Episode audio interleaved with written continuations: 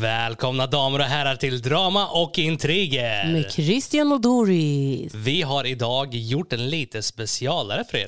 Det har vi. Det är så att vi har tagit åt oss av, jag kan inte kalla det för kritik då, men, men eh, ja, era önskemål. Ni önskar ju längre avsnitt. Så att vi, vi, vi gör det för er skull. Ja men precis, idag har vi laddat upp med åtta stycken historier. Åh, vad vi är hyggliga. Ja, vi är riktigt gimmiga. Nej då, men det är som så här att vi laddar upp varje onsdag klockan sex på morgonen och vi laddar endast upp en gång i veckan. Precis. Och då känner vi att då kan vi ta med tusan ta och bjuda till ett och liksom hädanefter kommer det bli lite längre avsnitt från allt ifrån 40 minuter upp till en timme ungefär. Och med det sagt så tänker jag att vi redan tar och hoppar in i historia nummer ett.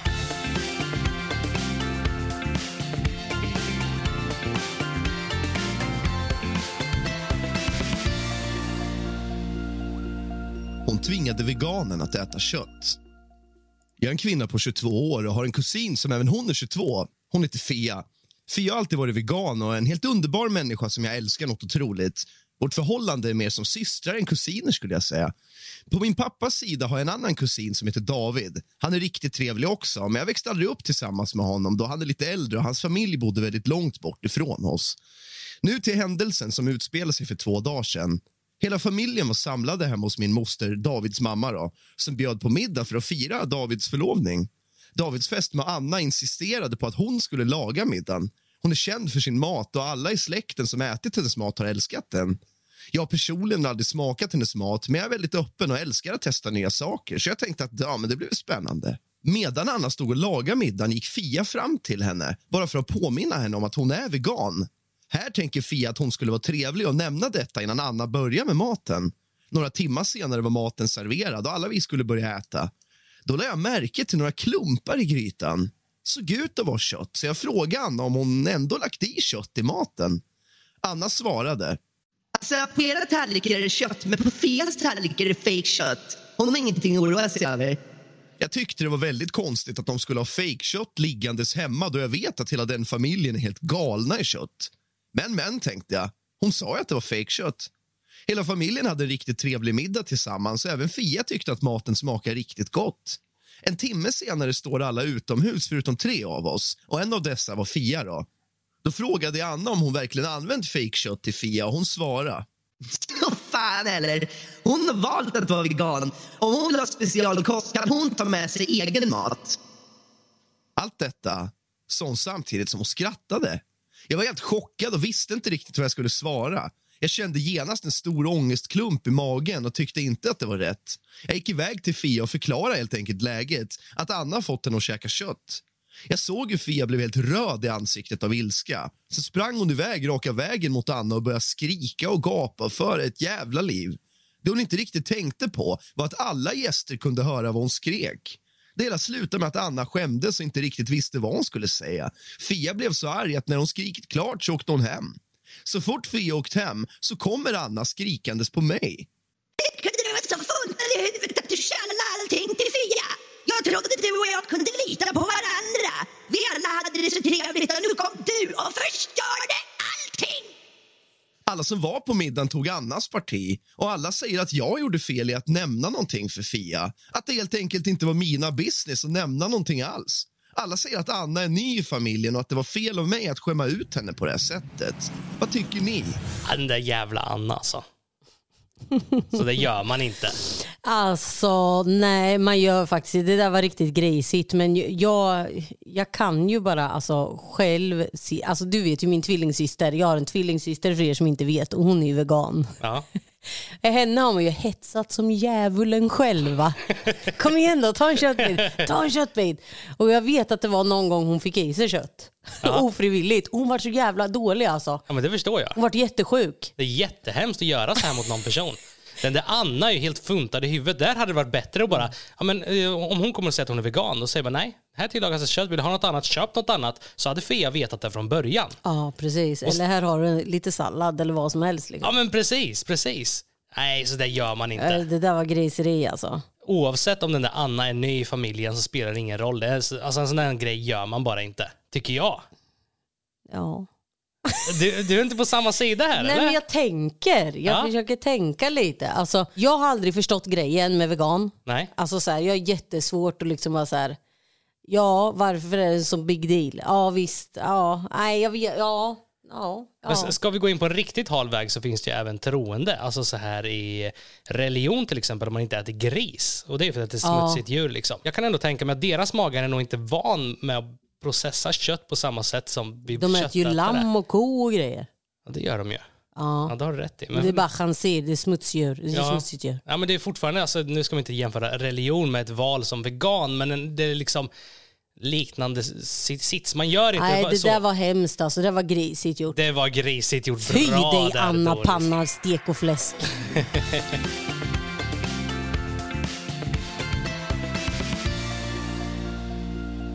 Familjen gjorde inbrott för att bada i min pool. Jag är en kvinna på 42 år och har bott i mitt hus i sex år. Mitt hus är beläget i ett riktigt fint område där alla känner alla och hela grannskapet lever i symfoni och harmoni tillsammans med varandra. Vi hjälper varandra och hälsar alltid trevligt på varandra när vi möts ute på gatorna.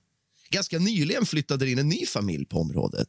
Det är en familj med föräldrar i 30-årsåldern och har barn, fyra stycken, mellan åldrarna 2 och 14. Incidenten jag kommer berätta om här är bara den första incidenten av många sedan de flyttade in i området. En eftermiddag satt jag i soffan och kollade lite på tv. Från soffan kan jag tydligt se min bakgård genom fönstret. När jag satt där i min egna värld och kikade på tv ser jag helt plötsligt i periferin att mitt pooltäcke börjar rullas upp. Jag var helt ensam och ingen annan hade tillgång till min bakgård. Av försäkringsskäl så har jag ett stort lås på grinden vid min tomt utifall något barn skulle råka gå och ramla i poolen eller något. Då är det ju jag som är ansvarig för det här. Där har vi grinden alltid låst. Jag reste mig i soffan och sprang för att se vad som försiggick. Väl ute så ser jag mamman i den nyinflyttade familjen tillsammans med sina fyra barn. De står bredvid min pool iklädda baddräkter, ihållandes handdukar. Mamma stod och vinschade upp mitt pooltäcke och jag frågade Eh, ursäkta? Vad gör ni på min bakgård?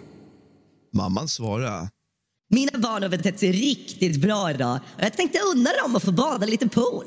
Jag såg att du hade en pool så jag tänkte att vi kan ta oss ett dopp. Jag svarade att det gör de inte. Det här är ingen offentlig pool. Det är min privata pool inne på min privata bakgård. Jag vill att ni lämnar min bakgård omgående. Då svarar mamman.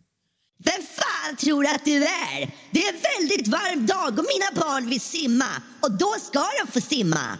Jag svarar att det är min privata pool. Här får ni inte bada. Hur kom ni ens in på min bakgård? Grinden är låst. Mamman svarar. Dra åt helvete! I mitt gamla område gjorde vi så här hela tiden och ingen har någonsin behandlat oss så dåligt som du behandlat oss. Mina barn ska ta en simtur och du kommer inte ens märka att vi är här. Sen börjar hon skrika om hur självisk jag är. Att jag är en hemsk människa som inte låter hennes barn bada i min pool bara för att jag är på dåligt humör. Nu börjar jag bli riktigt irriterad här och förklara på ett mer barskt sätt att antingen sticker ni härifrån nu eller så ringer jag polisen. Mamma fick till slut upp pooltäcket helt och säger till sina barn att det är färdigt. Nu kan de hoppa i. Lyssnar inte på den där dumma suggan. Mammas äldsta son stod där och bara nickade. Han avslutade sen med att säga Exakt! Dumma tugga! Nu ska vi bada. Det finns ingenting du kan göra för att stoppa oss. Då fick jag nog och sa Bra! Då ringer jag polisen. Mamman ser att jag är allvarlig och försöker förhandla med mig istället. När hon inser vad det kan leda till så tar hon sina två yngsta barn och börjar gå. De två äldsta barnen står kvar vid poolkanten. När jag går fram lite ser jag att de två äldsta av hennes små skitungar står och kissar i min pool. Den äldsta sonen skrek då. Så där din dumma tugga. Du kanske du lärt dig vara snäll mot dina grannar. Den näst äldsta sonen sa efter. Om inte vi får bada i poolen ska ingen bada i poolen. Så det så. Jag fick nog och gick fram till de två äldsta barnen. Jag tog fast tag i deras armar, ett stadigt grepp och släpade dem till grinden. Jag avslutade sen med att säga Stick härifrån era jävla skitungar. Mamman skrek att jag inte ska lägga mina händer på hennes barn. Annars skulle hon ringa polisen på mig. Den äldsta sonen skrek. Du kanske du lärt dig läxa och är trevlig mot dina grannar. De gick sen iväg skrattandes hela familjen. Jag bara stod där och koka. När det hade gått en bit så gick jag fram till grinden och jajamän! Jag vet inte hur de lyckats, men låset låg krossat på marken. Det är bara en av alla händelser som skett sedan den här familjen flyttade in i området. Och alla grannar är rosenrasade och vet inte riktigt vad vi ska ta oss till för att bli av med de här idioterna. Är det meningen att vi alla ska behöva flytta från ett så bra område på grund av några enstaka rötägg? Vad ska jag ta mig till? Aj, aj, aj, aj, aj. Alltså jag kan ju bara sätta mig in alltså, i den där Ilskan situationen. man skulle känna. Ja, alltså jag ska, ja, fy fan. Och att de inte ungjäveln lyssnar. ställer sig och pissar i poolen. Jag hade blivit galen. Men Alltså, vad kan man på göra? riktigt. Vad kan man göra? Alltså, visst, du, nej men det är din tomt. D- Då tar man tag i dem och bara släpar ut dem. Jag tror faktiskt att du får göra så. Inte i Sverige Doris. I, I Texas får du kanske skjuta dem. Men nu är vi inte i Texas utan vi, vi befinner Jag oss i sa Sverige. inte skjuta någon. Jag sa faktiskt man kan ta tag i dem och nu jävlar försvinner härifrån. Då hade du åkt dit på barnmisshandel istället. I Sverige. Hade jag? Ja. Nej. Jo. Det tror jag. Ja, det tror jag. Du Nej, får, ju- det du är får inte ta tag i någon annan och speciellt inte barn. Är det inte egenmäktigt förfarande? Ja, men det är fortfarande barn Doris. Du- Ja men ändå mors... Nej du gud alltså. Att det finns så nonchalanta människor där ute, det är det- man, liksom, jag finner inga ord. Ja, men alltså vad hade du gjort? Alltså vi har ju pool så vi kan ju relatera. Ja, och ja. du vet ju att du sköter ju den här poolen väldigt, väldigt exemplariskt. Ja, det är ju ja. väldigt så här, alltså det har blivit lite av din En grej att göra. bebis som Ja. fixar pH-värde och Ja, men- klorin. ja, precis. klorin. Inte klorin, förlåt, klor. Ja, klorin Eller klorin i poolen. Nej men alltså hur hade du, hur hade du gjort? Alltså, jag hade ju själv blivit rosenrasande men samtidigt så finns det bara så mycket man kan göra. Alltså, ringa polisen är väl typ det enda alternativet du har om de inte lyssnar. Lagligt sett. Lagligt sett Doris. Ja, men Nu tar, du, det går inget- att göra andra saker. Förutom Jag Texas Chainsaw Massacre. Jag måste komma på. Nej men man borde kunna... Får man skjuta med en soft airgun då? Nej. Inte? Nej. Men på min tomt? Nej, absolut det är bara inte. kulor, sådana plastkulor. Ja, tänk om några skulle skjuta dina barn med plastkulor. Det är bara plastkulor säger Ja, jag. men jag menar ju inte barnen, jag menar kärringen. Ja, det hade nog blivit misshandel eller mordförsök ja. säkert. Något så överdrivet då. ändå. Mm, vad ska vi komma på då de kan göra? Man skulle, kunna försöka skrämma dem på något sätt. Alltså så här verkligen, nu jävlar bort här. Så, men ja, samtidigt är det barn i bilden. Man kan ju gå nära. Ja, precis som du säger. Man kan ju gå så här face to face, vid så här panna mot panna. Bara, Jo, Styck! Men Typ. säg att den där kärringen försöker klappa på dig då. Ja, men då, då skyddar du dig själv och slår tillbaks.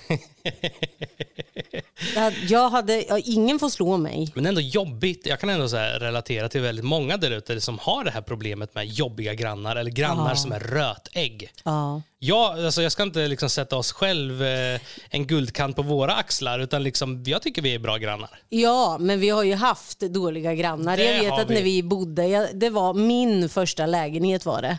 Eh, och då eh, grannen under hade ju fester och förde ett jävla liv. Han alltså. var ju narkoman. Ja, men alltså, han förde sånt liv och jag, alltså, jag blev så himla arg. Och Jag vet inte, var du ens hemma då? Jo, du var hemma. Och du ville inte att jag skulle gå, men jag bara, nej nu, nu, nu, jag går ner, nu Ja, går jag klockan ner. var liksom, vad var den, fem på morgonen. Ja, han så jag dunkade var så galen. högt att porslinet i vårt kök stod och vibrerade. Liksom. Ja precis, så jag du vet, klampade ju ner för jag var galen. Alltså tänkte nu jävlar räcker det.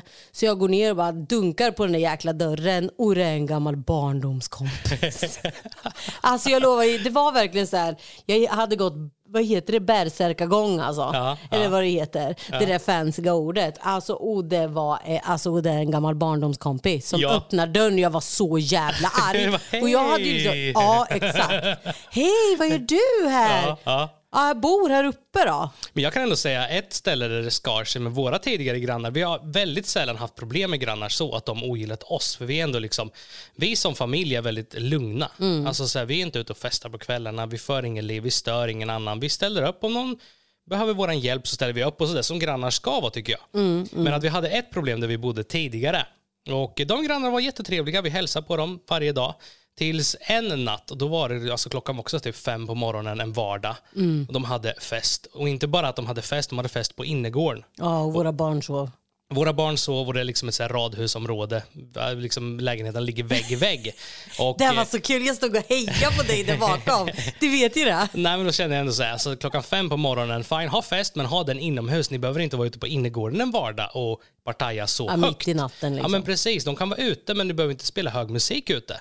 Så jag kände liksom att nej men jag måste, jag måste säga till liksom. Jag tycker ändå det är fel som granne att ringa störningsjouren det första man gör. Ja, Man måste ju ge personerna en chans Ja, först, så att de, de kanske inte ens tänker på att man blir störd. Liksom. Nej, nej. Eh, Så jag gick dit, bara ursäkta skulle ni kunna sänka? Och då, jävlar vilket liv det var, de de var ju fulla såklart. Men då Ja. började någon skrika och det var ju inte det här äldre paret som var i lägenheten då.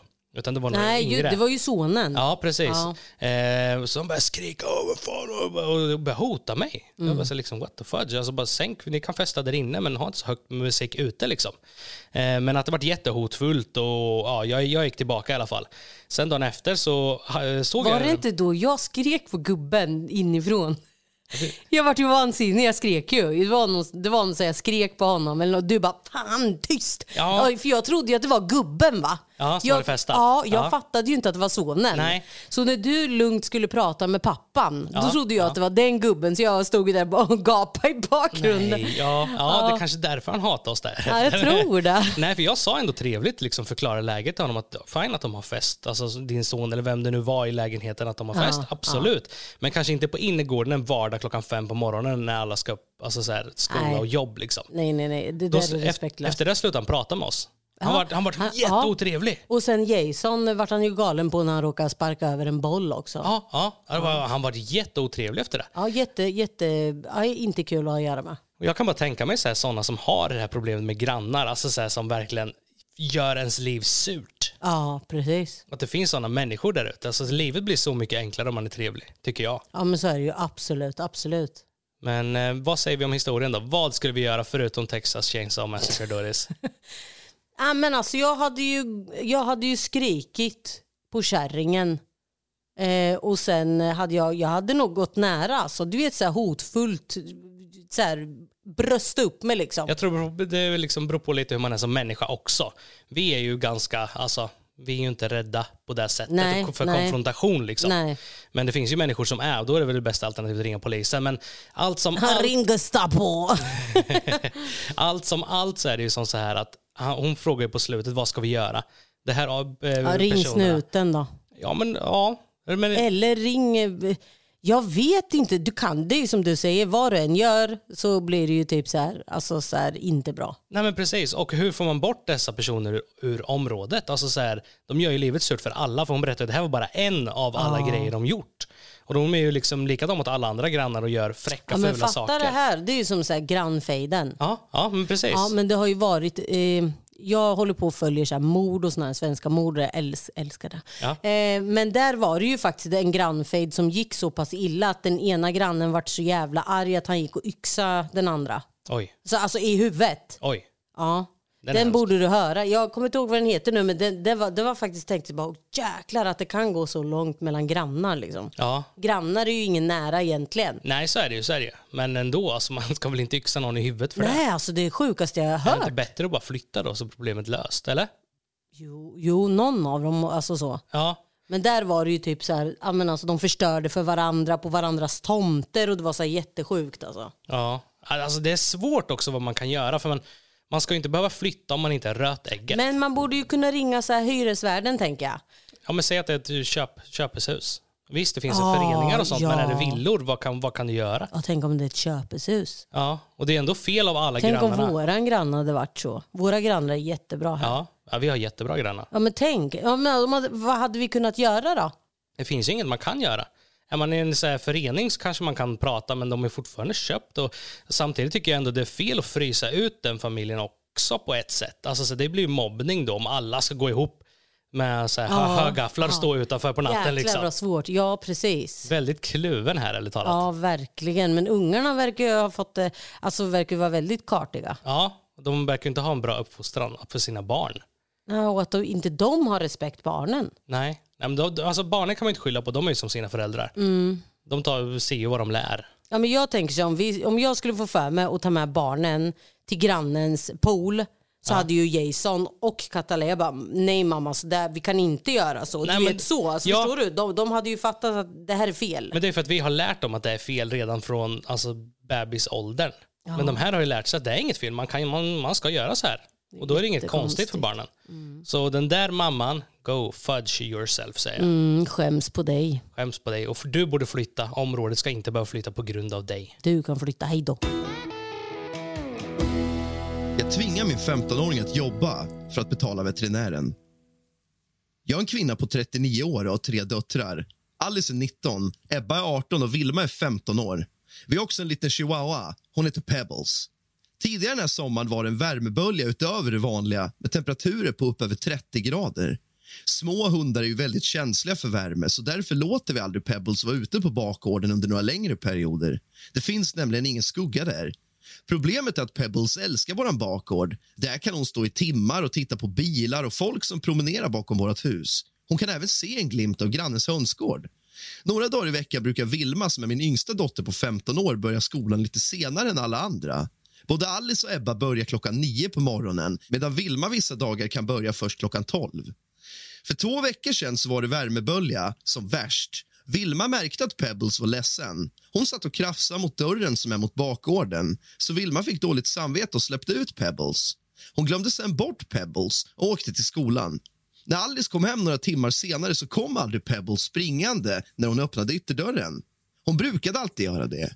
Hon blev lite orolig och började leta. Hon ropade hennes namn men fick ingen respons alls. Efter en stund så öppnade hon bakdörren och hittade Pebbles liggande på verandan med tungan ute.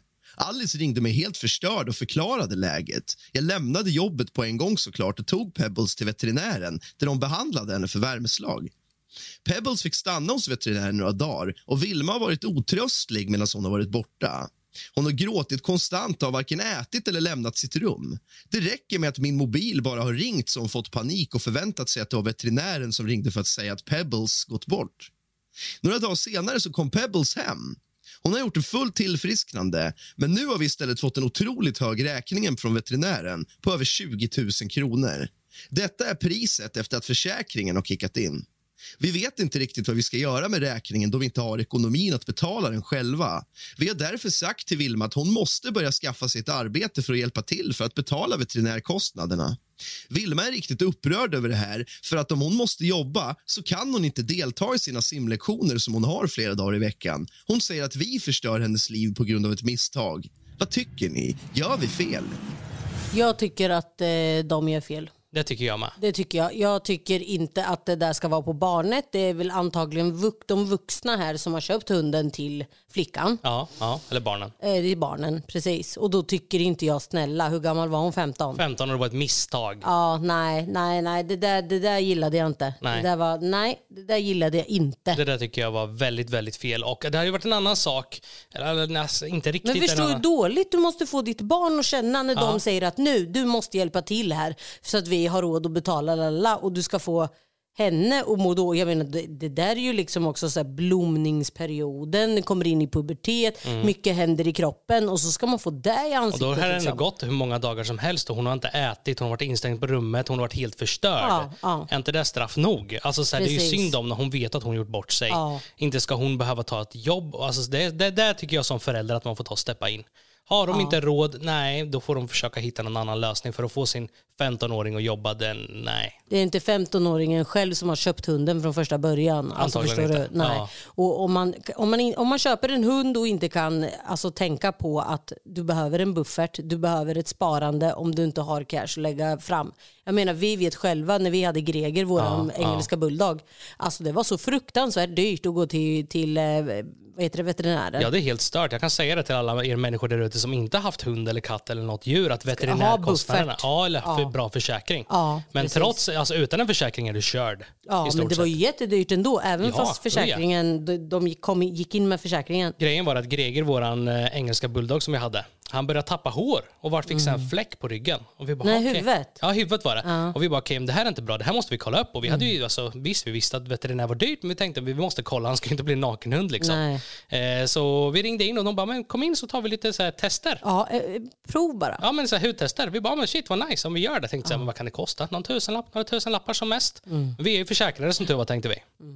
Räkningen hamnade på typ, vad var det, 6 eller 7 tusen? Ja, precis. Och det var bara. Och han, han behövde komma tillbaka också typ Ja, två ja. dagar efteråt för att ta ett till prov. Ja men precis. Skulle landa på exakt samma. Ja, sen visade det sig vara hans foder eller något sånt där. Som någonting han var allergisk, Ja, ja. Väldigt allergisk hund. Nej, men det där tycker jag att det där var inte riktigt på kidsen att lägga den på dem. Nej, det tycker inte jag heller. Och det var ju som sagt ett misstag. Hon har visat ånger och det borde vara en läxa nog. Ja, men jag tycker att föräldrarna ska skäms. Ja, men det, tycker, det håller jag med. Vi är på samma sida Alltså Doris. så här, nej, jag gillar inte det där alls. Nej. Köp inte saker. Alltså köp inte grejer till barnen och sen ska de få äta bajsmacka när det händer något. Och sen är det inte på hennes ansvar heller Nej. att tänka på hunden. Alltså, hon är föräldrarna. 15. Ja. Alltså det är så här, hon, är inte, hon är inte ens vuxen. Nej, Hon är ett barn. ja men precis. Och sen det här blir ju barnarbete med. Ja, det blir det. Hon är 15, hon är inte myndig. In i finkan för fan. Va? In i finkan, de har barnarbete. Ja men precis, morsan in i finkan. Ja. Nej men som sagt, det finns andra sätt att försöka lösa situationen på. Men fixa en avbetalning eller vad som helst. Eller, Ja, och trösta dottern och säga Ja. att det är ingen fara, allting löser sig. hunden dog ju inte heller. Hunden Nej. klarade sig som tur var. Men hon har garanterat lärt sig en läxa som hon inte kommer göra om. Ja, precis. Jag flög första klass medan min man fick flyga ekonomi. Min man på 33 år blev nyligen erbjuden att få flyga till Miami tillsammans med hans företag för att närvara under en konferens. De valde tydligen honom före alla andra anställda och han var riktigt stolt över detta. De meddelade min man att han fick ta med sig sin partner på resan men att partnern måste betala sin egen flygresa. Min man frågade om jag ville åka och jag sa att jag självklart vill göra det. Vem tackar nej till en Miami-resa liksom? Han tyckte att det var kul att jag skulle följa med men frågade om det var lugnt att han flög första klass dit medan jag skulle få flyga ekonomi.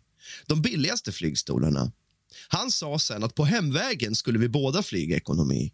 Jag frågade varför vi båda inte kunde ta första klass eller varför vi båda inte tar ekonomi. Huvudsaken är att vi är tillsammans. Han sa att företaget bjuder honom på första klass och att han inte har råd att köpa en till första klassbiljett. Då kommer vi inte att ha några pengar att ha roligt för i Miami. Han menade på att man sover ju ändå nästan hela resan, så vad spelar det för roll liksom? Detta har stört mig något enormt. Jag förstår att till en första klassbiljett så skulle det påverka vår ekonomi. Men vilken slags man sitter själv i första klass medan ens fru får sitta längst bak i ekonomi liksom? Jag frågade honom just den frågan och han svarade men kom igen älskling, jag tar ju med dig på min jobbresa. Jag har jobbat riktigt hårt och därför fick jag första klassbiljetten och jobbet. Jag tror att vi skulle ha råd att köpa en till första klassbiljett, men jag ska inte ljuga, det hade påverkat vår ekonomi. Jag försökte övertala min man genom att försöka få honom att låta mig få en första klassbiljett medan han flyger ekonomi. Vi argumenterade ett tag över detta, men till slut gav han mig sin biljett och jag fick första klassbiljetten och han fick min. Vi hade det supertrevligt i Miami, men jag har märkt att han har varit lite tjurig sen resan. Han har sagt saker som att Det var faktiskt jag som förtjänade den där biljetten och inte du.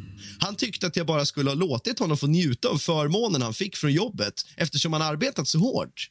Vi har talat med hans föräldrar angående hela situationen och där råder det delade meningar. Hans pappa är på hans sida och mamman är på min. Gjorde jag fel som tog hans första klassbiljett? Alltså här är den väldigt svår. Jag är kluven ärligt talat. Mm, jag med. Jag tycker de att- tycker att de var grisiga på sin, sina olika vis. Ja men precis. Han var grisig som inte ville ge första klass till henne. Men när hon åkte så var det hon grisen helt plötsligt. Ja, precis. Och jag- d- då kände ju han av, men vad, hade- vad gör man då? Jag, vet du vad jag hade gjort? Jag hade bett... skitit i åka. Nej, jag hade ärligt talat snackat med företaget och sagt men hallå, ändra min första klass till en ekonomi.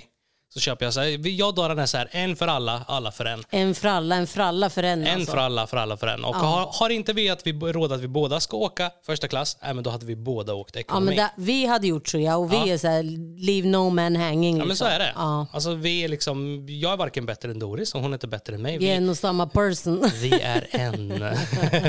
det kanske lät lite sliskigt, men lite så är det faktiskt. Vi, liksom, vi gör allting tillsammans och eh, kan inte den ena ska inte den andra. Nej, men du hade ju aldrig, ja, men du hade aldrig gjort så, jag hade aldrig gjort så. Jag hade faktiskt, alltså jag hade personligen tänkt så här, det är bara ett flyg. Jag- Jag är lite sådär, så här, första klass, alltså hallå. Visst, det är väl nice att flyga första klass, men alltså, det var inte jä- Alltså för man- mig man hade det inte varit liksom. en stor grej, du vet. Så här, för det är ju ändå så här, om du åker så långt, du åker från Sverige till Miami, det, det är långt alltså. Det, Det är är långt. många, många timmar. Ja. Och du sover mycket också. Ja. Vad är det, alltså jag har aldrig fattat grejen. Du får med så här, du får mer eh, space för dina ben liksom. Nej, och du alltså, får en sån här liggestol. Du blir ju uppassad på. ja. Du får dricka, du får god Ja, mat. får och får då. Ja, vissa har ju till och med dusch på flyget. Liksom. Ja men, men, ja, men om du tänker vanlig standard då? Jag personligen är så här alltså, i vårt förhållande, så vad ska man säga? Jag sätter dig före mig. Om jag får bestämma, och Doris är likadan. Liksom. Alltså, jag hade lätt att låt, låtit dig åka första klass. Ja, men jag hade inte velat åka Nej. första klass utan dig. Nej, men precis. Jag vill inte åka med dina sliskiga jobbarkompisar. Leave Britney alone. Nej, men, och då hade det blivit ändå att vi båda ja, vi hade liksom flyttat ner och båda kört ekonomi istället. Jag hade sagt till dig, om inte du åker med mig så tänker inte jag följa med då. Hade jag sagt bye bye. Stanna i Sweden, ska kul i Miami. So long. Nej, men alltså det här... Vem är arslet? Jag kan säga att båda är jag arslet. tycker ju att hon var lite arsle faktiskt för det var ändå hans jobb. Fattar du? Alltså, vad fan får hon ut av att åka och bara ta hans biljett och sitta med hans jobbarkompisar? Alltså snacka om att vara så här, alltså malplacerad. Ja, Det är han- hans jobbarkompisar, det är hans chefer som säkert sitter där också. Så Ja, där sitter han- hon där. Fast hade han åkt så hade ju han varit en gris också på ett sätt. Fast inte lika mycket. Tycker du inte det? Nej, jag tycker inte det. Du tycker det är han- hans jobb. Du tyckte hon gjorde fel och jag tyckte att de båda gjorde fel. Ja, eller? de båda tycker väl jag med, men jag bara känner så här, det är hans jobb. Vad fan har du där att göra? Ja. Varför ska du ta den för honom för? Alltså snälla, Ja. jag hade aldrig velat sitta med dina jobbarkompisar och dina chefer och du sitter, alltså så här, förstår ja, du? den hade känts fel kan jag hålla med om. Alltså jättekonstigt. Man skulle känna sig väldigt malplacerad. Ja, liksom. att hon ens ville det. Den är sjuk och Att alltså. hon gjorde det med. Ja, det var lite kuros, coolt. coolt. Ska vi, ska vi komma överens om att vi tycker hon gjorde fel? Ja, båda. På sätt och vis, Ja, och typ båda. båda. typ båda, men mest hon. och som vi alltid säger i vår podcast här, våra åsikter är nödvändigtvis inte alltid de rätta åsikterna Nej, eller de fel. inte. Utan vi säger bara vad vi tycker. Och någonting jag tycker är väldigt kul är att jag antar att det är många som lyssnar på podden och sen sätter sig in i situationen Ja, Jag själva. hoppas ju det, alltså, för att vissa är ju så kniviga, som den där grannegrejen och, och den här tycker jag var jättesvår. Ja, och vi har, Vissa säger jag bara så här, "Höpp, nej, det här var klappat och klart, det här vet jag vad jag tycker. Men, men de här två, det här var klurigt alltså. Ja men precis, och alla vi människor är olika med våra egna åsikter. Ja. Och det har vi alla rätt till att ha med. Så det är inte alltid säkert att det finns något rätt eller fel utan det är ju ens eget omdöme. Ja, precis. Min son är för snäll. Denna situation började för ungefär ett år sedan och har pågått ända sedan dess, till förra veckan, när allt exploderade. Min son Martin en 13-årig kille har precis börjat åttan. Hans kompis Peter är lika gammal och de går i samma klass.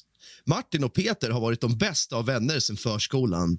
Förra året så lade jag märke till att Martin har börjat komma hem från skolan helt genomsvulten. Det första han gör när han kommer hem är att springa till kylen för att ta något att äta. Jag tänker att han är ju en ung grabb och att han helt enkelt äter mycket. Jag anade dock att någonting inte riktigt stod rätt till och försökte konfrontera Martin angående detta flera gånger. Efter många försök så erkände Martin till slut. Hans bästa vän Peter kom till skolan varje dag utan lunch. Från mitt perspektiv ser det ut som han har riktigt dåliga föräldrar som inte bryr sig. Martin har varit hemma hos Peter en gång, men aldrig mer. När Martin kom hem så förklarade han att det var en svinstia där hemma. Allting luktade något hemskt och att Peters föräldrar bara låser in sig i garaget hela dagarna. Jag kände sympati för Peter och bestämde att lite diskret börja skicka med Martin lite extra mat till skolan varje dag. Till slut började jag helt enkelt packa ner två luncher i Martins väska. En till honom och en till Peter. Jag fick aldrig tack om någon för detta, men jag visste att Peter i alla fall åt maten. Nu ett år senare har situationen förändrats lite. Min ekonomi är inte längre vad den en gång var och allting är så jävla mycket dyrare. Jag går på mina bara knän som det är och ni vet ju hur dyrt sakerna i butikerna har blivit. Jag satte mig ner med Martin och förklarade situationen. Att hur gärna jag än vill ge Peter mat så jag inte råd längre. Att jag skickar med Martin mat till skolan, att den är till honom. Han får inte längre dela med sig till någon. Tyvärr, inte ens till Peter. Han förstod situationen och lovade att äta maten själv. Några dagar senare får jag ett otrevligt samtal från Peters mamma. Hon var rosenrasande att jag hade slutat ge Peter mat utan att ens säga något. Jag frågade henne när det blev mitt ansvar att föda hennes barn. Hon svarade att jag alltid brukade skicka med Martin så mycket mat som bara skulle kastas så att det kunde lika gärna Peter få. Men hade jag vetat att Peter inte får någon mat så hade jag löst situationen, sån. Jag svarade, jag svarade Peters mamma att anledningen till att jag skickade med extra mat är för att Peter alltid kom hungrig till skolan. Då la mamman på. Jag är väldigt kluven här. Jag vet att jag får min snällhet kastad i mitt ansikte och kanske får skylla mig själv. Men det är ett barn. Jag hade kanske kunnat hantera situationen bättre men jag har knappt råd med mat till oss själva så det finns inte mycket jag kan göra. Vad skulle ni ha gjort? Ja, den här var svår också. Den var riktigt svår. Vad snällt av henne förresten. Väldigt, väldigt snällt. Det kommer mig att eh, tänka på Kataleja, Ja, våran dotter. ja, men det var faktiskt hon själv som sa. Hon, eh, ja precis, att hon har en kompis då som, som oftast inte har med sig frukt till skolan eller riskakor som Kataleja tycker om att ha med sig på rasterna. Och Kataleja hade då frågat den personen liksom att, men varför har du inte med dig någon frukt? Hon sa, hade sagt till Kataleja att de inte har så mycket pengar. Ja, och därför har hon inte Och med då sig kommer hon hem och, och säger mamma och pappa, snälla får jag ta med riskakor imorgon till min kompis. Ja, men, och det, det har hon gjort Ja. Mm. ganska många dagar. Och det tycker jag är väldigt fint gjort att hon kom till insikt med det själv. Ja, att hon kom liksom så här och jag bara, varför ska du ta med det till din kompis då?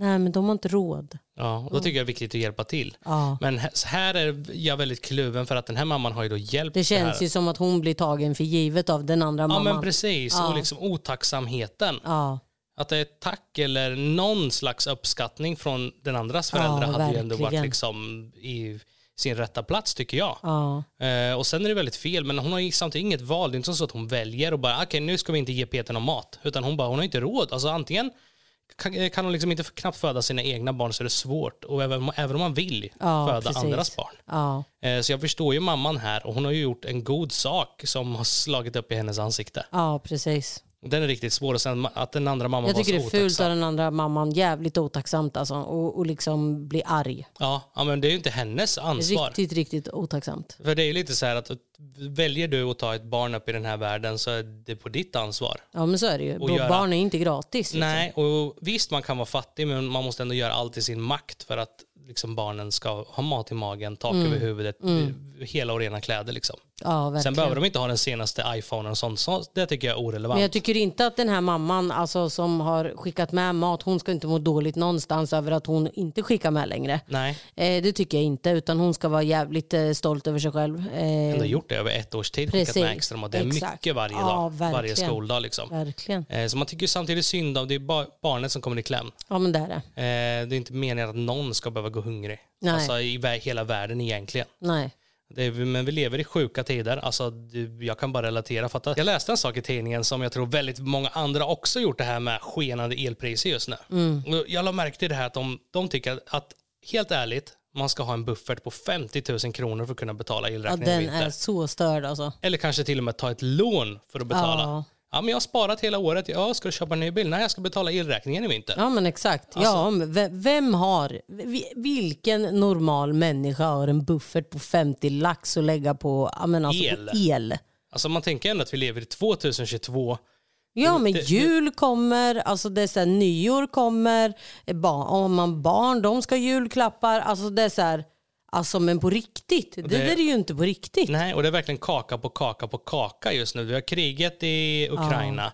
Vi har eh, eh, bensin och bränslekostnader. Ja. Eh, sjukt höga. Ja. Eh, elen, sjukt hög. Visst, det kanske mycket härstammar Men som till exempel som för oss, Ja. vi, alltså vintertiden för eh, våran familj skulle jag säga, det är ju den som alltså, träter mest. För jag menar vi har eh, Jason fyller år, Ricky fyller år, du fyller år, Ja. julafton kommer Och och sen månad. kom, ja, precis, och så kommer nyårsafton. Ja. Så jag menar det, det är så stört. Ja. Eh, så att det är ju så här, aldrig att vi skulle ha en buffert på vintern och på 50 000 och kunna lägga på el. Och då har vi det ändå ganska gott ställt kan jag tänka mig nej, mot många de- andra där ute. Ja, ja, ja, ja. Men, men inte, inte så. Och alla matpriser också. Alltså, det är så sjukt. Alltså, så här, vi lever i sjuk tid just nu. Ja, verkligen. Att man, ja. Men eh, Skrämmande. som sagt, åter till, till historien så anser jag att man, här mamman gjorde ju inte någonting fel. Nej, hon ska inte må dåligt. Det ska hon Eh, inte Men göra. samtidigt är det en hemsk situation så man blir ju väldigt kluven. Ja, hon, väldigt- ham- hon, hamnar ju verkligen i en rävsax där. Ja Alltså, men precis. kläm med både mamman som blev arg där men sen även pojken som hon har gött i ett år. Aha, och nu ska inte han få någonting. Och, ja, nej, jag fattar grejen. ja, den är hemsk. Men vi anser att hon gjorde inte fel. Nej. För hade det varit ett aktivt val, hon hade valt av principsak, jag ska inte skicka med mat, ja, men det hade varit fel. Ja. Om hon kunde. Precis. Men att nu var det ju utanför hennes liksom... Kunde, Utanför hennes eh, capital. inte capital, utanför hennes kontrollområde. Hon kan inte styra över She det. don't Liksom. have the money. No, no, she's uh, economic uh, struggling. Yes, yes, yes, yes. tar betalt. Jag är en man på 23 år och ska snart gifta mig med min fästmö. Även hon är 23 år. Giftermålet sker om mindre än en månad och vi kommer ha en mindre bjudning med cirka 20 gäster. Vi har bestämt oss att vi vill ha bröllopet uppe på en klippa med fin utsikt. Men för att komma upp på den här klippan måste man betala 100 kronor i inträde. Tyvärr. Vi skrev detta på alla våra inbjudningskort som vi skickade ut. Min syster ringde idag och sa att hon precis fått inbjudan. Hon var arg för att hon skulle behöva betala pengar för att få delta på ett bröllop. Hon kallade mig ett snålt arsel och att det finns tusentals andra klipper där vi kan gifta oss utan att behöva betala en spänn. Jag och min fru älskar denna klippan då det var där vi hade vår första dejt. Stället är speciellt för oss. Efter detta så började min syster kalla mig en massa dumma saker på grund av att gästerna måste ta med sig egna stolar. Att vi inte har ett riktigt bröllop som bara bjuder 20 personer och så vidare. Vi vill inte spendera jättemycket pengar och genom att gifta oss utomhus sparar vi väldigt mycket pengar. Vi vill bara ha med de närmsta personerna som vi älskar och inga andra. Jag förstår inte riktigt vad hennes problem är. Vi vill bara hålla bröllopet litet och mysigt. Jag har försökt prata med parken om att betala allas inträde men det går tydligen inte då inträde sker i basen av berget och bröllopet hålls en bit upp på klippan. Det är ett offentligt företag som ägs av kommunen så tydligen kan man inte betala i förskott på det viset. Har vi gjort fel här? Absolut inte. Nu måste jag... App, app, app, app, app, Nu är app, det svart om ögonen. Då, Nu jävlar anamma säger jag här. Jag kan säga som så här. Ett bröllop det ska vara alltså, ja, alltså kärlekens dag. Eh, och du ska ha dina nära och kära med där. Du betalar ändå en bröllopsgåva. En, en normal bröllopsgåva brukar man säga så här, ja, men 500. 500 spänn. Alltså, typ som om du och jag går, Ja. ja. då är det tusen. Ja men precis. Och då gnäller man över att man får betala. Alltså vill, vill- du delta ska inte 100 kronor vara ett problem. Nej. Känner jag. Alltså på det, är ingen, det är ingen orimlig summa. Nej. Jag kan tänka mig att även om man har en kanske knapert så 100 kronor känns som att det Ja men, kan dra den ifrån, ja men dra den ifrån, ifrån presenten. Ja men precis. Alltså Precis. så här, vad är problemet? Och sen så verkar ju de ha kollat upp och så att de kan betala för alla för det var ju bara 20 pers så hade det blivit 2000 kronor om de ja. betala. Och de ville det men de, det gick inte. Nej. Och den här klippan var ju ändå speciell och jag förstår att det var det där de träffades. Det är klart de vill gifta sig där. Kan de det så ska de det. Det är deras bröllop. Ja men exakt. Och sen tycker jag det är väldigt fel av systern att gnälla liksom att vill de hålla det litet, ja det är väl inget fel med det. Nej, så- som alltså när vi- who, who are you liksom? Som när vi gifte oss. vi, hade ett jättelitet bröllop, Ja, mini. ja vi var, det här var förvisso till, vad var det, 14 år sedan. Något sånt där. Eh, nej, inte 14. Och 10 år sedan. Alltså det var, det var, nej, jag skulle vilja säga att det var ett trashigt bröllop. det var ett riktigt trashigt bröllop. det var det? Vi sa att vi höll ett litet, men sanningen var att vi var fattiga som råttor. Ja, ja. ja, jag tror nog att vårt bröllop, alltså vi, vi snackade om budget, vi höll budget alltså. Jag tror att vi la allt som allt. 10 000. 10 000 ja. ja, 10 000. Och det var allt. Den, det den var är allt. sinnessjuk alltså. Och du var höggravid med Jason, våran, eh, våran son på 10 år. Ja. Eh, och det vi gjorde var att vi helt enkelt vi liksom gick och gifte oss borgerligt, heter det va? När man går till Mm, precis. rådhuset. Och där, hade kyrkligt. där var bara de närmsta, vi snackar 10 pers liksom. Ja. Och vi gifte oss, hångel, hångel, tager du, yes, yes, yes, yes. Och sen så, way! Sen Mm. så tänkte vi att vi satsar allting på festen istället. Hela vår budget, 10 000. Ja, men sen min syster också hjälpte ju till. Alltså, min Alla. familj är väldigt snälla. Alla hjälpte till på, alltså, ja precis. Alla, Ja. alla drog sitt strå till stacken. Och hade inte alla hjälpt till, men då hade det blivit betydligt mycket dyrare. För det, Ja. på festen var det väl ändå kanske en 50 pers. Ungefär. Ja, minst. gud, ja. minst. Gud, det. Och det hade vi på, uppe på våran loge. Ja, vi, hade, vi hade ju en loge Ja, vet hade ni. lada. Vi hade logdans. Och grejen var att när vi gifte oss, det var i juni, nej juli, 14 juli. Ja. Eh, och grejen var att vi bodde ju bredvid en häståker då, vi bodde i ett hus. Ja. I, i- inte på häståkerna, som en, bredvid en häst, hästhage heter det. Åh, och eh, man kan säga att det var lite mygg Lite mygg, alltså tjena. Jag har aldrig sett människor springa så fort alltså, Jag har aldrig sett våra tapeter så fulla med blod alltså. Ja, men när man gick och dödade alla myggorna när de var Ja. inne, ja, det, var, det var helt galet. Alltså, det, här, det här var så här, jag har aldrig varit med om så mycket mygg på ett och samma ställe. Nej, inte jag heller. Och man sa till folk liksom det är mycket mygg, de bara ja, ja, ja, ja. Sen när de kom dit så, oh, farts. Mm, Exakt, bara ta med er, eh, ta med er myggspray om ni har. Ja, det var helt galet, men Jag skulle nästan kunna tänka mig att gifta om mig. Alltså det har ändå gått tio år nu. Jag känner ju att de pengarna kan vi göra något roligare för. Vi åker till Thailand. Ja, oh, det hade varit nice. Det hade varit Jag, nice. jag, tror, jag, jag tror inte att jag vill gifta om mig. Nej, Jag tror inte det. Jag tror nog att de pengarna kanske blir trevligare. vänta, vänta. Sorglig musik. Nu kan, nu, nu kan du prata. I don't want to be married any longer. Nej men jag vill åka till Thailand istället. Ja, Jag har sån social fobi. Alltså jag, jag hade inte pallat. Vet. Jag höll fan på att svimma inne på rådhuset. Det var ju bara en präst där. Liksom. Nej, jag tyckte att det var så obehagligt. ja men det var ju bara det var de så... Nej men fast Och det, det är otäckt ändå. Okej. Det är jätteotäckt och folk tittar på mig. Vet du. Jag blir uttittad. Och, aj, jag hatade när vi stod och öppnade våra presenter och alla bara står runt om och bara tittar på mig. Man bara känner så här, jag svimmar snart. Men jag kommer att tänka på en sak när du sa, på, på tal om utlandsresa. Ja. Att, eh, jag ska inte nämna några, men det var några vi kände som skulle gifta sig. Och de skulle gifta sig i Spanien, i så typ Gran Canaria eller någonting. Jag bara liksom, oh, men shit vad nice, alltså, så här, "Mm, klart ni ska det. Men att alla skulle behöva betala sina egna flygbiljetter och sitt eget hotell.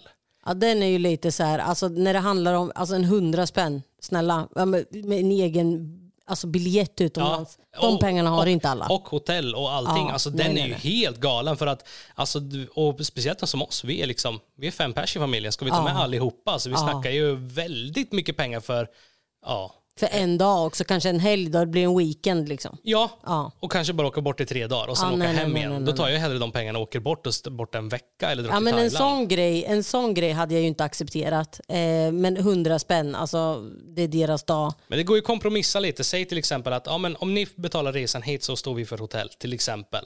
Om det nu blir för dyrt. Om man Ja, inte betalar ja, men allt. som till exempel då Spanien, det är inte jättedyrt. Nej. Men tänk för, en, för ja, men alltså någon som pluggar eller någon som inte har ett jobb. Ja. Det är jättemycket pengar då. Ja, och det, ja, Det är jättemycket pengar för du kommer inte undan. Vet du. Alltså, tusen spänn då, minst bara dit. Ja, så ska du komma minst. hem också. Ja, ja. minst. Och sen är det mat och sånt. Ja, ja, nej. men det, det är Det väldigt där mycket. tycker jag kan vara lite så griseri och bara så här, vi drar utomlands och gifter oss. Fast vill ni göra det så gör det. Men ändå så här, om man vill ha sin familj nära så borde man också se över att ja, fast jag vet ju att min syster hon har inget jobb och hon kommer inte ha råd med sina tre så jag barn. tänker att om man nu väljer att ha ett bröllop utomlands och folk ska få betala själva, absolut, det har man all rätt till. Det är ditt egna bröllop, du bestämmer själv. ja, Men, men lacka inte sen. räkna inte med att det dyker upp jätte, jättemånga om du inte är Nej, och bli inte tjurig för de som inte kan komma. Nej, men precis. precis. Men åter till historien så anser jag i alla fall att de gjorde rätt. De har all rätt att ta 100 kronor i inträde. Absolut,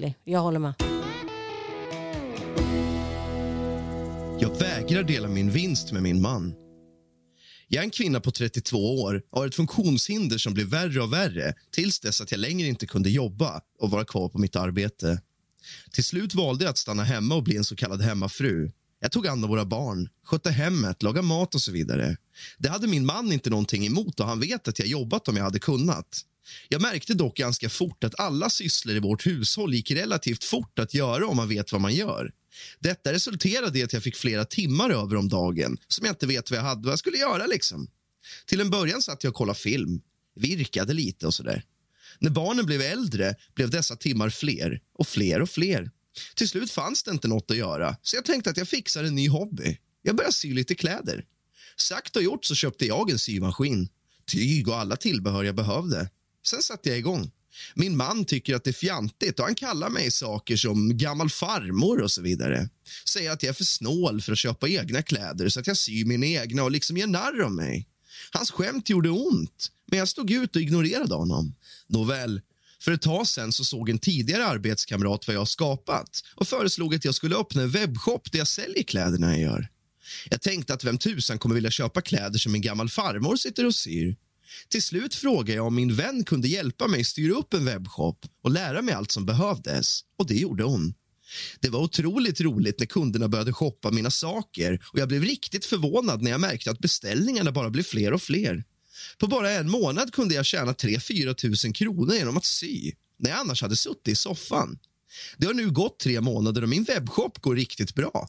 Min man har dock börjat ta för givet att jag ska betala allting som när vi ska gå på restaurang eller om hans bil behöver fixas. Jag är dock principfast här och betalar ingenting som inte är mitt. Igår visade han mig en riktigt fin klocka som han ville ha och undrade om jag kunde betala för den. Jag svarade att jag inte har några pengar och han sa att det har jag visst. Pengar från ditt företag. Jag sa att pengarna inte har någonting med honom att göra då han aldrig trott på min idé och inte stöttat mig eller funnits där. Då blev han rosenrasande och sa att hälften av pengarna är hans då det ska delas lika. Jag sa att han bara gjort narr av mig och mitt företag, att han aldrig trott på mig. Sen så är det ju så att det är jag som gör 100% av allt arbete, så varför ska jag dela med mig? Min man tycker att jag ska lägga ner hela mitt företag och sluta sy. Jag skrattade då och trodde att han skojade, men det gjorde han inte. Min mans vän ringde mig lite senare och skällde ut mig. Han menade att min man gör exakt allting för mig och det enda jag gör är att sy. Så min man har rätt till några procent av vinsten. Nu är min mans familj även arga och pressar mig att dela med mig. Vad tycker ni? Jag anser här att... Ja, den är svår. Jag anser här att gubben ska sätta sig ner på plats alltså. Han ska skämmas. För antagligen har inte han delat med sig av sina cash innan. Nej. Nej. Och varför då i hela friden ska hon dela med sig av någonting hon gör 100% i jobbet på? Och som han bara har, du vet så här, att han ens har mage och du vet så här, ja men jag ska ha hälften av pengarna mina. Här är vi lite kluvna Doris. Jag tycker, ser det lite från ett annat perspektiv. Om det nu är som så att hon har varit hemma, hon har inte jobbat, hon har varit hemmafru. Då är det ju med största sannolikhet han som har betalat hyra, mat, allting. Och om då hon då får en, en, en, en liksom extra inkomst där hon tjänar lite extra pengar och hon, inte, alltså hon ska, behöver inte köpa honom dyra klockor eller laga hans bil men då kan de bidra mer till hushållet. Ja men fast nu är det ju som så här va, att de här pengarna hon får in är ju på hennes firma, hon har ju öppnat upp en firma. Ja. Vet man då inte vad som gäller tänker jag? För jag menar, bara för att du har pengar så betyder ju inte det att det är dina egna pengar. Nej så är det absolut. Så är det absolut. Alltså så här, och jag menar vad var det hon sa då? Ja, 3-4 tusen kronor i månaden drog hon in på sig. ja, och skatt på det. Så det Och skatt på det, så det är ju inte mycket. Nej. och det är hennes företagspengar. Ja, ja det, det har du rätt i. Det har du rätt i. Så det är ju inte liksom... Bara Ja, för att du har pengar ska du ge mig dem då och det är så här, Nej, där- jag har inte gjort någonting av dem och det är inte dina, det är företagets pengar. Ja, och hon kanske vill investera dem i, Exakt. företaget i mer tyg och sådana grejer. Men att säga att hon till exempel skulle gå riktigt bra, hon börjar ta ut månadslöner. Ja men då kan man ju faktiskt... Då kan vi eh, börja hjälpa till i hushållet. Liksom. Alltså kanske betala ha- halva hon tycker ju att hon drar maten. sitt strå till stacken bara för att hon eh, gör Städar. Ja. Men ja, alltså jag är lite Ja, kluven den, här. men- den är svår Ja, alltså. han, har, han har inte rätt att kräva hälften av hennes pengar. Det, det, det Nej, och vad fan inte. lägger sig hans familj i för? Ja, Det, det, det håller er utanför, Sånt för att där- annars så kommer jag. Sånt där tycker jag är så sjukt jobbigt med par som gör. Alltså skulle vi till exempel tjafsa om någonting och vara oense, jag skulle aldrig få för mig att ringa på mina föräldrar. Mm. Ska jag så, ringa till min mamma? Mamma, Christian är dum emot mig. och sen så ringer din mamma och skäller på mig. What the fuck, är vi, är vi vuxna människor eller? Nej, nej, nej. nej. Den här är bara helt sjuk. Varför? Det är ju flera historier vi läst det här. Att folk kollar med sina släktingar, med sina vänner. Vad, vad, vad, har de med saken att göra? Ja, jag pratade med min mamma. Och hon tyckte du gjorde fel. Vad, vad, vad, spelar din mammas åsikt roll? Och Ja. din morsa är ingenting till mig. Säg det en gång till Doris. Och... Kissenbock. Kommer du ihåg det? Fanny, Fanny. Kommer du ihåg det? Och När kyssen. man var liten sa man alltid det. Och de bara och? Man bara kissenbock. Ja, just det. kommer jag ihåg. Bara på tal om annat Och så liksom. sa, sa de tillbaka, du är fet, kissenget. Nej. jo, jag var förvisso väldigt fet När kanske. sa de det till Ja. dig? De får inte säga så till dig. Vilka var det? Säg vilka det var. Vi går och slår dem nu. Ja, Ja. vi ska hämnas. ja, men jag var väldigt ö, överviktig under min uppväxt där. Väldigt. Ja, han var jättesöt, jättechubby. jag, var typ, alltså, jag var så pass rund att jag hade sprungit ner för en kulle så skulle det se ut som en rullande köttbulle ungefär. Ja, men Du var jättesöt var du. Jättefin och söt. Sa de så till dig? De får inte säga så till Vad dig. var det som hände? Ja, Jag du var vart en söt. stor karl. Och så var jag inte lika söt längre. Du ser ut som en grottmänniska. Neandertalare. Ja, jag lägg av nu Doris. Jag bara skojar. Min väninnas pojkvän är en riktig gris och jag vet inte vad jag ska göra. Hej Doris och Christian och tack för en jättebra podd. Jag lyssnar på varje avsnitt så fort det släpps och älskar hela idén. Direkt när jag hörde er podcast så fick jag idén om att skicka in ett av mina problem då jag inte vet vad jag ska göra. Min väninna lever tillsammans med en kille som behandlar henne som skit. Hon är 22 år gammal, han är 25. De har varit tillsammans sedan hon var 16 och fick barn när hon var typ 18. Hon är mammaledig och tar hand om två små barn på två och tre år och ett hushåll helt själv medan han umgås med vänner, sover, missköter sitt eget jobb, är elak och tar noll ansvar över barn och hem. Det är så hemskt så jag inte ens vet var jag ska börja. Jag tar några exempel som hänt på riktigt så att ni får en känsla av killen och situationen. Men dessa saker är långt ifrån allt, då detta pågår dagligen och har så gjort under flera års tid. En gång var äldsta barnet helt vilt medan det yngsta barnet var ledsen och ville ha välling. Hon var helt hysterisk och bara grät och gnällde. Min väninna frågade då sin kille om han kunde åka och köpa välling då det är en bra bit att gå till affären och hon saknar körkort och barnet vill ha välling nu. Hans svar var då... Är jag någon jävla taxi eller? Så där stod hon själv med två gråtande, skrikande barn medan hennes kille var instängd och spelade dator i kalsongerna. Då ska det tilläggas att klockan var mitt på dagen, en vardag. Där satt han i bara kalsonger instängd i sitt rum, spelandes dator. Denna kille driver ett eget företag, men aldrig ens där. Han ligger hemma och sover istället. Ofta till sen eftermiddag då han spelat dator instängd hela natten. Han tar inget ansvar över hem eller barn, inte ens över jobb. Han är vaken till sent på nätterna, spelar dator och sen sover bort hela dagarna och är arg och bitter och otrevlig. Det har hänt flera gånger att folk får åka dit och skälla på honom för att väcka honom. Det har hänt att hans pappa åkt dit för att försöka väcka honom. Även hans farmor har åkt dit och slitit upp honom ur sängen och frågat hur man kan ligga och sova för att man spelat när man har ett företag att driva. Men även hans svärfar har åkt dit. De alla bemöts likadant. Varje gång är det synd om honom och alla förstör hans liv. En riktig mansbebis i offerkofta som förväntar sig att få bete sig som man vill och beter sig ännu värre när man konfronterat honom med detta. Som om det är alla andra som är dumma i huvudet, men inte han. När svärfaren kom låg han inte och sov. Då var det eftermiddag och han hade precis gått upp. Han satt nu och spelade dator instängd i sitt spelrum iklädd bara kalsonger och headset. När svärfaren kommer hotar han även med att slå honom och säger att han förstör hans liv. Hela hennes familj hatar honom och hans familj tar alltid hans parti och hans sida när hon beklagar sig över hans beteende och skyddar honom genom vått och torrt i varje situation och rättfärdigar hans beteende. Hon skriver ibland till folk hon känner och frågar om någon kan hjälpa henne med handling eller hämta barn eller skjuts. Detta för att hennes kille med bil och körkort, som ändå inte har något annat för sig, spelar eller bara inte har lust. Han är elak och vägrar för att han har annat för sig, när hans egna barn behöver någonting. Hon berättade för mig om ett kalas de länge vetat att de skulle på. Hans släkting fyllde jämnt och alla skulle samlas till fest. Detta hade de vetat i en till två månader och alla var införstådda med detta. När festen börjar och alla är där fattas deras familj. Killen vägrar åka, så hans bror får åka och hämta tjejen och barnen för att han ligger och sover hemma. Han är oromantisk, ger sällan kärlek, om ens alls överhuvudtaget. Och hon är kvar. Hon delar hela tiden inlägg på Instagram om girl power och feminism och så vidare.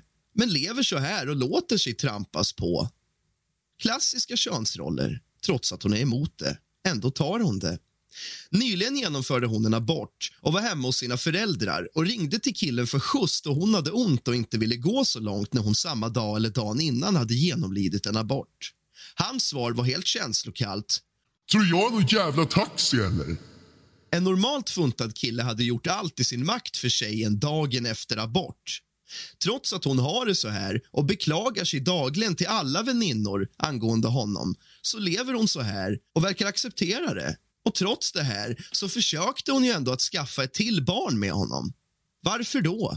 Är det det klassiska, att hon tror att ett till barn fixar problemen?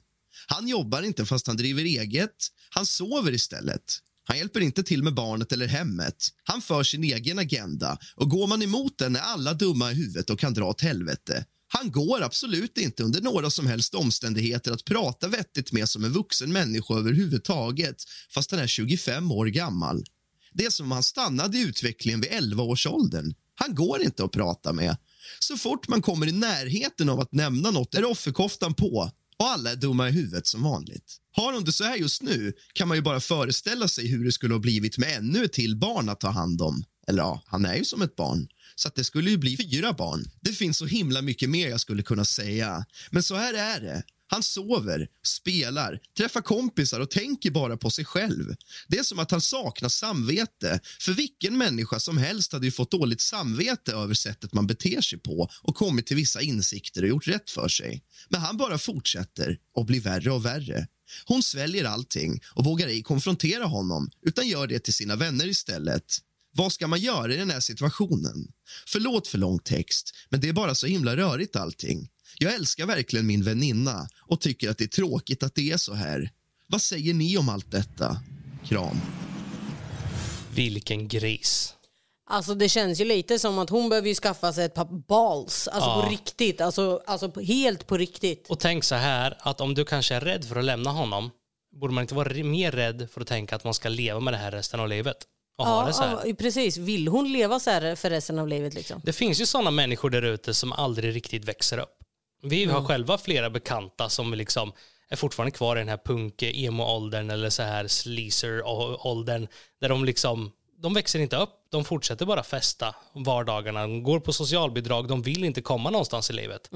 Och så det, det finns sådana människor och det är ingenting att satsa på, om du inte är en sån själv. Nej, men, och så känner jag så här, den här tjejen då, eh, gnäller hon för att det är någon typ av rop på hjälp? Eller eh, gnäller hon för, alltså varför? Sluta gnäll, gör något åt saken istället. Är du så jävla olycklig så ta ditt pick och pack och dra. Jag förstår att det kan vara komplicerat om man har fyra barn tillsammans, absolut, det köper jag. Men gräset, av det vi jag har hört på den här historien så låter det som gräset faktiskt är grönare på andra sidan. Precis, absolut. Och det kommer att vara tufft, det kommer inte vara lätt för en eh, separation är väldigt sällan lätt Ja, liksom. men hon verkar ju ha både eh, släkt, alltså hans släkt och även eh, hennes egna släkt som, alltså där tror jag ju, de- kommer ju inte sluta hjälpa henne. Liksom. Nej men precis, och vad skulle det göra för skillnad i hennes liv om hon lämnade honom? Ja, när han bara sover hela dagarna. Han, han gör ingenting, Ah, han hjälper kasta. inte till, han eh, han tar inte- inte hand om sitt Nej. företag. Nej. Hon gjorde en abort och han kunde inte ens skjutsa henne för han har ingen taxi. Alltså ursäkta mig din lilla gris. Jag säger bara kasta.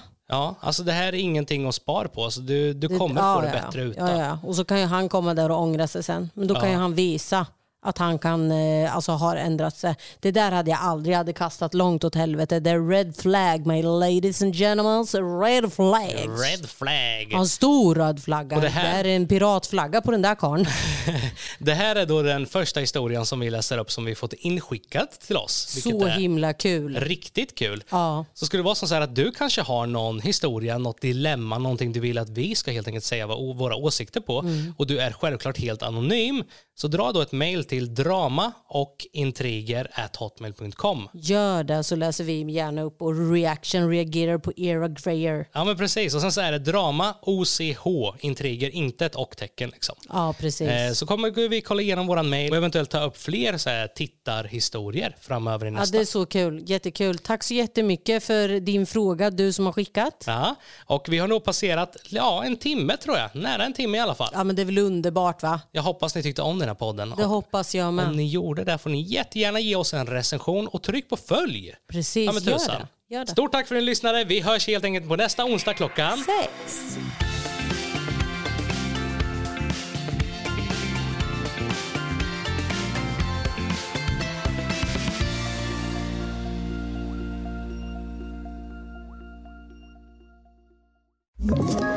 Ett poddtips från Podplay. I fallen jag aldrig glömmer djupdyker Hasse Aro i arbetet bakom några av Sveriges mest uppseendeväckande brottsutredningar. Går vi in med hemlig telefonavlyssning och, och då upplever vi att vi får en total förändring av hans beteende. Vad är det som händer nu? Vem är det som läcker? Och så säger han att jag är kriminell, jag har varit kriminell i hela mitt liv men att mörda ett barn, där går min gräns. Nya säsongen av Fallen jag aldrig glömmer på Podplay.